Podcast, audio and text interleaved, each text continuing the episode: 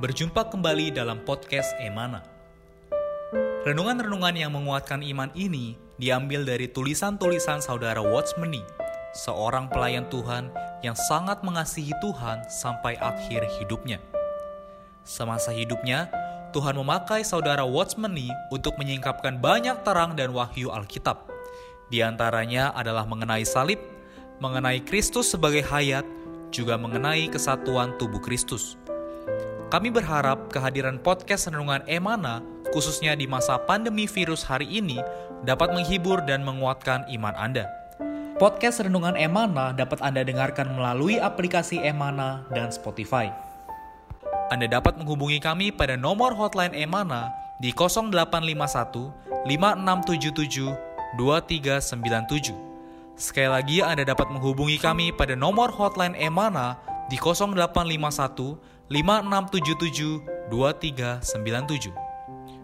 Buku-buku saudara Watchmeni secara lengkap dapat Anda peroleh di toko buku Yasmerin, Tokopedia, Google Playbook, atau di website resmi yasmerin.com. Selamat menikmati seri renungan hari ini. Puji Tuhan, mulia mulia bagi Tuhan. Amin. Hari ini kita telah melewati mungkin ya dua minggu dalam tahun ini ya saudara Moses. Ya. Tuhan, saya kembali bersama dengan saudara-saudari yang mendengar. Uh, moga kita sama-sama terus memiliki satu kedambaan yang sama, Amen. yaitu visi dan uh, misi kita adalah untuk membangun diri kita ke dalam Kristus. Ya, amin ya saudara-saudari. Jadi Amin. pada hari ini kita akan membahas satu topik yaitu mengenai bagi kesaksian. Men, sebelumnya saya mau tanya, saudara Moses, selama dua minggu ini apa yang saudara alami dan apa yang saudara mungkin uh, bisa ceritakan? Ya, eh, sebelumnya saya juga mengucap syukur ya, akhirnya setelah sekian lama ya kita kembali lagi bisa berpodcast bersama ya Amin. eh, untuk saling eh, sharing, membagikan kenikmatan akan Kristus juga Ya. mengenai Injilnya. Mm-mm. Saya sungguh mengucap syukur ya bahwa tahun ini jauh berbeda ya dari tahun lalu, eh, di mana tidak ada lagi banjir di awal tahun. Ya. Saya mengucap syukur itu yang pertama. Jadi memang situasi pandemi kayaknya belum berubah, tapi saya percaya tahun ini Tuhan buka banyak pengharapan ya bagi Amin. kita semua. Ya kita berdoa moga eh, apa pun yang terjadi secara insani atau di dalam sejarah manusia, ya kita tidak lupa bahwa kita juga perlu mencatatkan diri kita di dalam sejarah yang ilahi, Iya. sejarah yang tercatat di dalam eh, kitab kehidupan. Ya artinya pandemi mungkin akan berlalu, tetapi kiranya kasih kita terhadap Tuhan tidak hilang, udah Betul. berlalu begitu saja ya Iya. mendapatkan dua minggu ini, saudara, eh, ya dengan adanya eh, obat, vaksin dan lain sebagainya, ini membuka secercah harapan. Tapi, saudari, kiranya ini juga membuat kita tetap makin eh, berjaga-jaga, makin bergiat, karena kedatangan Tuhan pasti lebih dekat daripada tahun lalu. Amin. Iya. Betul ya. Betul sekali. Jadi saya juga merasa demikian. Kedatangan Tuhan semakin hari semakin mendekat. Baik, saudara-saudari, tidak menunggu lagi, kita langsung saja ya.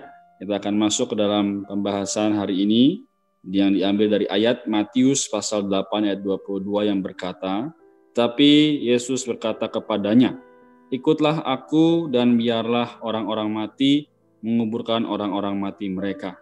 Ya. Jadi apa yang dimaksud di dalam ayat ini, Saudara? Ya, jadi ayat ini punya dua makna ya, atau maksud saya kata orang mati di situ memiliki dua arti. Ya. Orang mati yang pertama adalah orang-orang yang berdosa ya. Di kitab Efesus dikatakan dahulu kamu telah mati ya karena pelanggaran dan dosa-dosamu, kamu hidup di dalamnya. Yes. Pasal 2 ayat 5 itu juga, eh, juga dikatakan kita ini diperi, eh, sudah dihidupkan oleh Kristus ya. Karena kita dulu mati karena kesalahan kita. Jadi Ya. uh, biarlah orang mati ya kata mati yang pertama ini mengacu kepada orang-orang yang mati di dalam dosa menguburkan orang-orang mati mereka ini mengacu kepada kematian yang fisik ya yaitu ayat ini kan diucapkan oleh Tuhan kepada seorang yang ingin mengikut Tuhan ya. tapi uh, berkata dulu ya izinkan aku pergi dahulu menguburkan ayahku mm -hmm. jadi mengacu kepada ayahnya yang mau dikuburkan Nah, ini menarik sekali karena potongan Matius 8 ini adalah jalan untuk mengikut Kristus sebagai sang raja. Ya, mengikut Kristus sebagai sang raja uh, perlu ya bukan uh, kalau kita lihat beberapa hari yang lalu ya, bukan uh, membenci orang tua kita artinya, bukan hmm. Kita tidak hormat terhadap orang tua kita kemudian kita ya. tinggalkan tapi kita perlu belajar untuk rela meninggalkan segalanya bagi Kristus, ya. berharap bahwa semua yang ada di dalam Kristus juga ikut dibangkitkan bersama Dia. Amin. Gak ikut ikut Dia bersama dengan kita. Demikian. Amin. Saya sungguh juga diterangi melalui uh, penjelasan yang saudara katakan. Jadi memang hari ini kalau kita sungguh-sungguh menjadi orang yang mengikut Tuhan, kita pasti akan seperti ayat ini ya. Kita tidak lagi memikirkan apa yang di belakang, tapi kita memikirkan kesaksian Tuhan. Oke, jadi di sini saudara-saudari yang terkasih, hari ini kita akan melanjutkan ya, membahas apa saja yang perlu kita bereskan terkait dengan perkara-perkara lampau. Ya. Berhala, barang-barang, dan mengganti rugi perlu kita bereskan. Semua ini tak lain dan tak bukan adalah untuk kesaksian. Semua yang kita kerjakan tak lain adalah untuk kesaksian. Amin. Ya kalau kita lihat dari cuplikan paragraf yang pertama ini ya, Saudara Reinhard, ya. bahwa perkara kita membereskan perkara yang lampau ya, uh, khususnya untuk mengikut Tuhan, ya ini adalah uh, perkara kesaksian. Ya, mau tidak mau, suka tidak suka, hidup orang Kristen, hidup Anda dan saya sebagai anak-anak Allah ini akan disorot dari berbagai sisi. Yes. Ya, uh, akan lebih mudah dicela daripada diapresiasi. Karena itu memang yang ada di pundak kita untuk memikul kesaksian ini. Hmm. Ya. Karena itu, saudara-saudari, uh, semuanya Eh, kenapa harus kita bereskan, kenapa harus ganti rugi. Ini bukan sekedar untuk eh, nggak uh, ada tanggungan lagi ya di dalam diri kita atau hubungan kita dengan orang lain, tapi ini benar-benar berkaitan dengan kesaksian Kristus yang ada di muka bumi. Kalau kita bisa membereskan segala hal yang uh, lampau, maka kesaksian Kristus juga dengan uh, leluasa ya, bisa terekspresikan melalui kita. Ya. Demikian. Amin ya. Si Tuhan, jadi bagaimanapun kondisi kita yang lalu, ya. kalau kita mengikuti bahkan menghidupi ya Tuhan itu sendiri di dalam kita, saudara-saudari, maka kita akan memiliki kesaksian yang benar di hadapan Allah juga manusia. Amin. Saudari, dikatakan dalam Matius 8 ayat 22, bukan berkata soal kita tidak mengurusi perkabungan keluarga kita, namun porsi ini berkata, jangan menunggu sampai urusan duniawi selesai, baru datang kepada Tuhan. Setiap dari kita pasti ada perkara-perkara lampau yang pernah kita lakukan. Namun kalau kita tunggu itu semua selesai, maka tidak ada selesainya. Karena hari demi hari kita lalui dan itu menjadi masa lampau. Amin.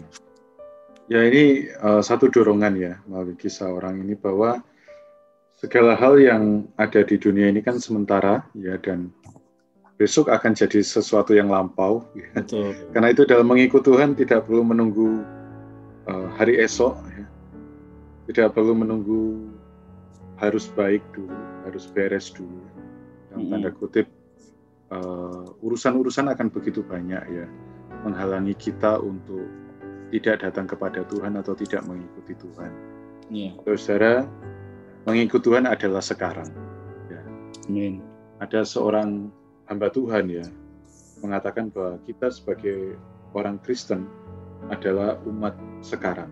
Ya, jadi yes. kita bukan umat yang kemarin kita adalah umat yang sekarang. Ya, Kristus yang kita nikmati juga adalah Kristus yang sekarang. Kesaksian yang kita emban juga adalah kesaksian yang sekarang. Ya, karena itu, eh, moga banyak hal yang terjadi di awal tahun ini ya membawa kita justru tidak terhalang ya, makin maju, makin makin terus mengikut Tuhan. Amin. Amin, puji Tuhan. Ya, jadi moga tidak hanya masuk ke dalam telinga lalu keluar lagi, namun firman demi firman yang kita dengar seharusnya tinggal dengan limpahnya dalam kita, sehingga betul-betul bisa membuat kita menjadi orang yang bersaksi atau menjadi kesaksian bagi orang lain. Amin. Baik, katakan di sini setiap hari mohon Tuhan mendapatkan diri kita kembali tidak menjadi orang yang hanya menitik beratkan soal perkara-perkara lampau saja. Namun sembari kita datang kepada Tuhan, di sanalah terang memancar yang mendorong kita dapat membereskan perkara-perkara yang lampau. Amin. Ya. Jadi inilah eh, paragraf ketiga ini bicara mengenai apa yang harus kita lakukan ya. Iya, Jadi karena kita tahu hidup kita ini adalah suatu kesaksian, maka saudari sekalian setiap hari kita perlu mohon Tuhan yang mendapatkan kita, mendapatkan kita menjadi orang yang eh, tidak apa namanya terjebak di dalam masa lalu ya hal-hal yang Hmm. lampau. Kita harus menjadi orang yang terus maju. Ya, Iya. maju ini sangat baik ya kata datang kepada Tuhan seperti di kitab uh, Ibrani ya kita perlu datang ke tahta kasih karunia, datang kepada uh, anugerah ya datang kepada diri Allah sendiri. Ya karena di situ ada pertolongan yang tepat pada waktunya. Saya rasa kita perlu terus datang pada Dia sambil membereskan perkara lampau. Ya, karena itu uh, dua ini harus berjalan seiringan, saudari. Ya, sambil kita terus mengikut Tuhan, sambil kita bereskan.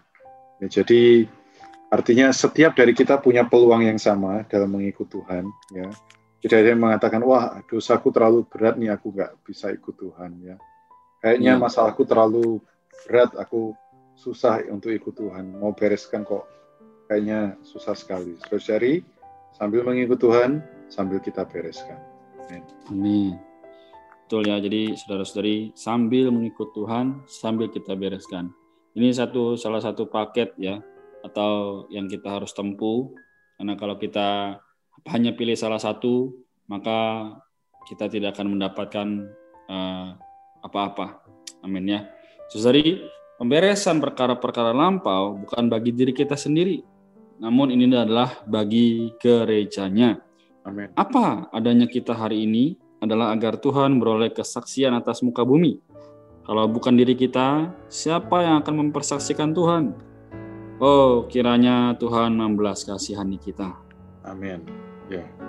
Kalau kita lihat kisah Sakeus, terlihat memang melalui dia membereskan semua hal ya, mengganti rugi, maka ya, keselamatan ada bagi seisi rumahnya ya.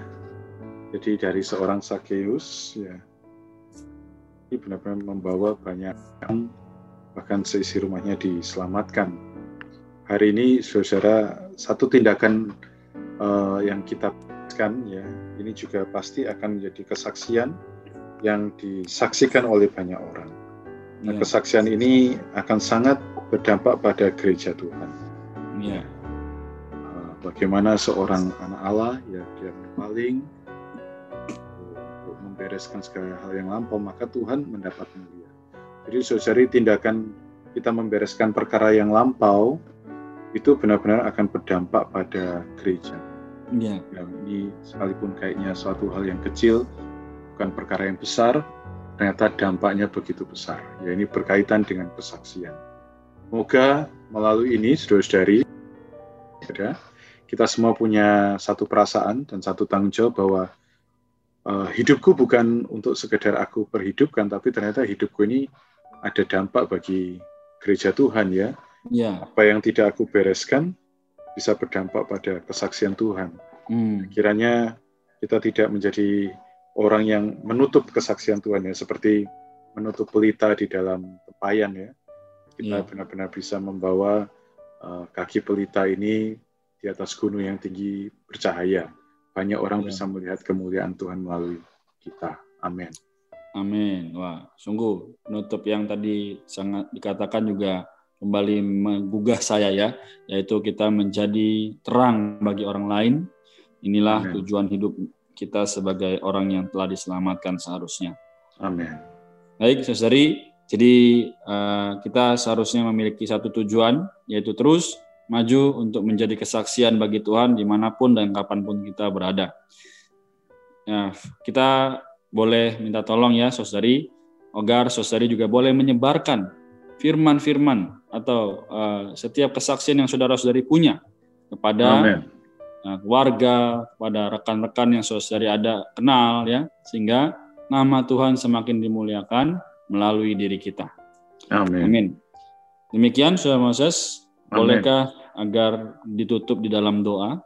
Amin. Ya, mari kita bersatu di dalam doa. Amin. Makasih Tuhan bahwa hidup kami hari ini berkaitan dengan kesaksian-Mu. Kami mau Tuhan membereskan segala hal yang membuat kesaksian-Mu redup, yang membuat kesaksian-Mu justru makin tidak ada di antara kami, di tengah kami. Mohon Tuhan Yesus Engkau bawa seluruh uh, saudara-saudari yang ada di seluruh Indonesia ini, seiring mereka mendengarkan firman demi firman, seiring mereka membereskan perkara-perkara yang bukan diri Tuhan. Terima kasih Tuhan Yesus, kami cinta padamu. Amin. Amin. Terima kasih, Saudara Moses. Terima kasih, Saudara. Terima kasih, Saudari. Amin. Tuhan, Tuhan memberkati. Amin. Amin. Amin. Sekian podcast Renungan Emana hari ini. Kami akan kembali pada seri berikutnya. Anugerah dari Tuhan Yesus Kristus dan kasih Allah dan persekutuan Roh Kudus menyertai kita semua.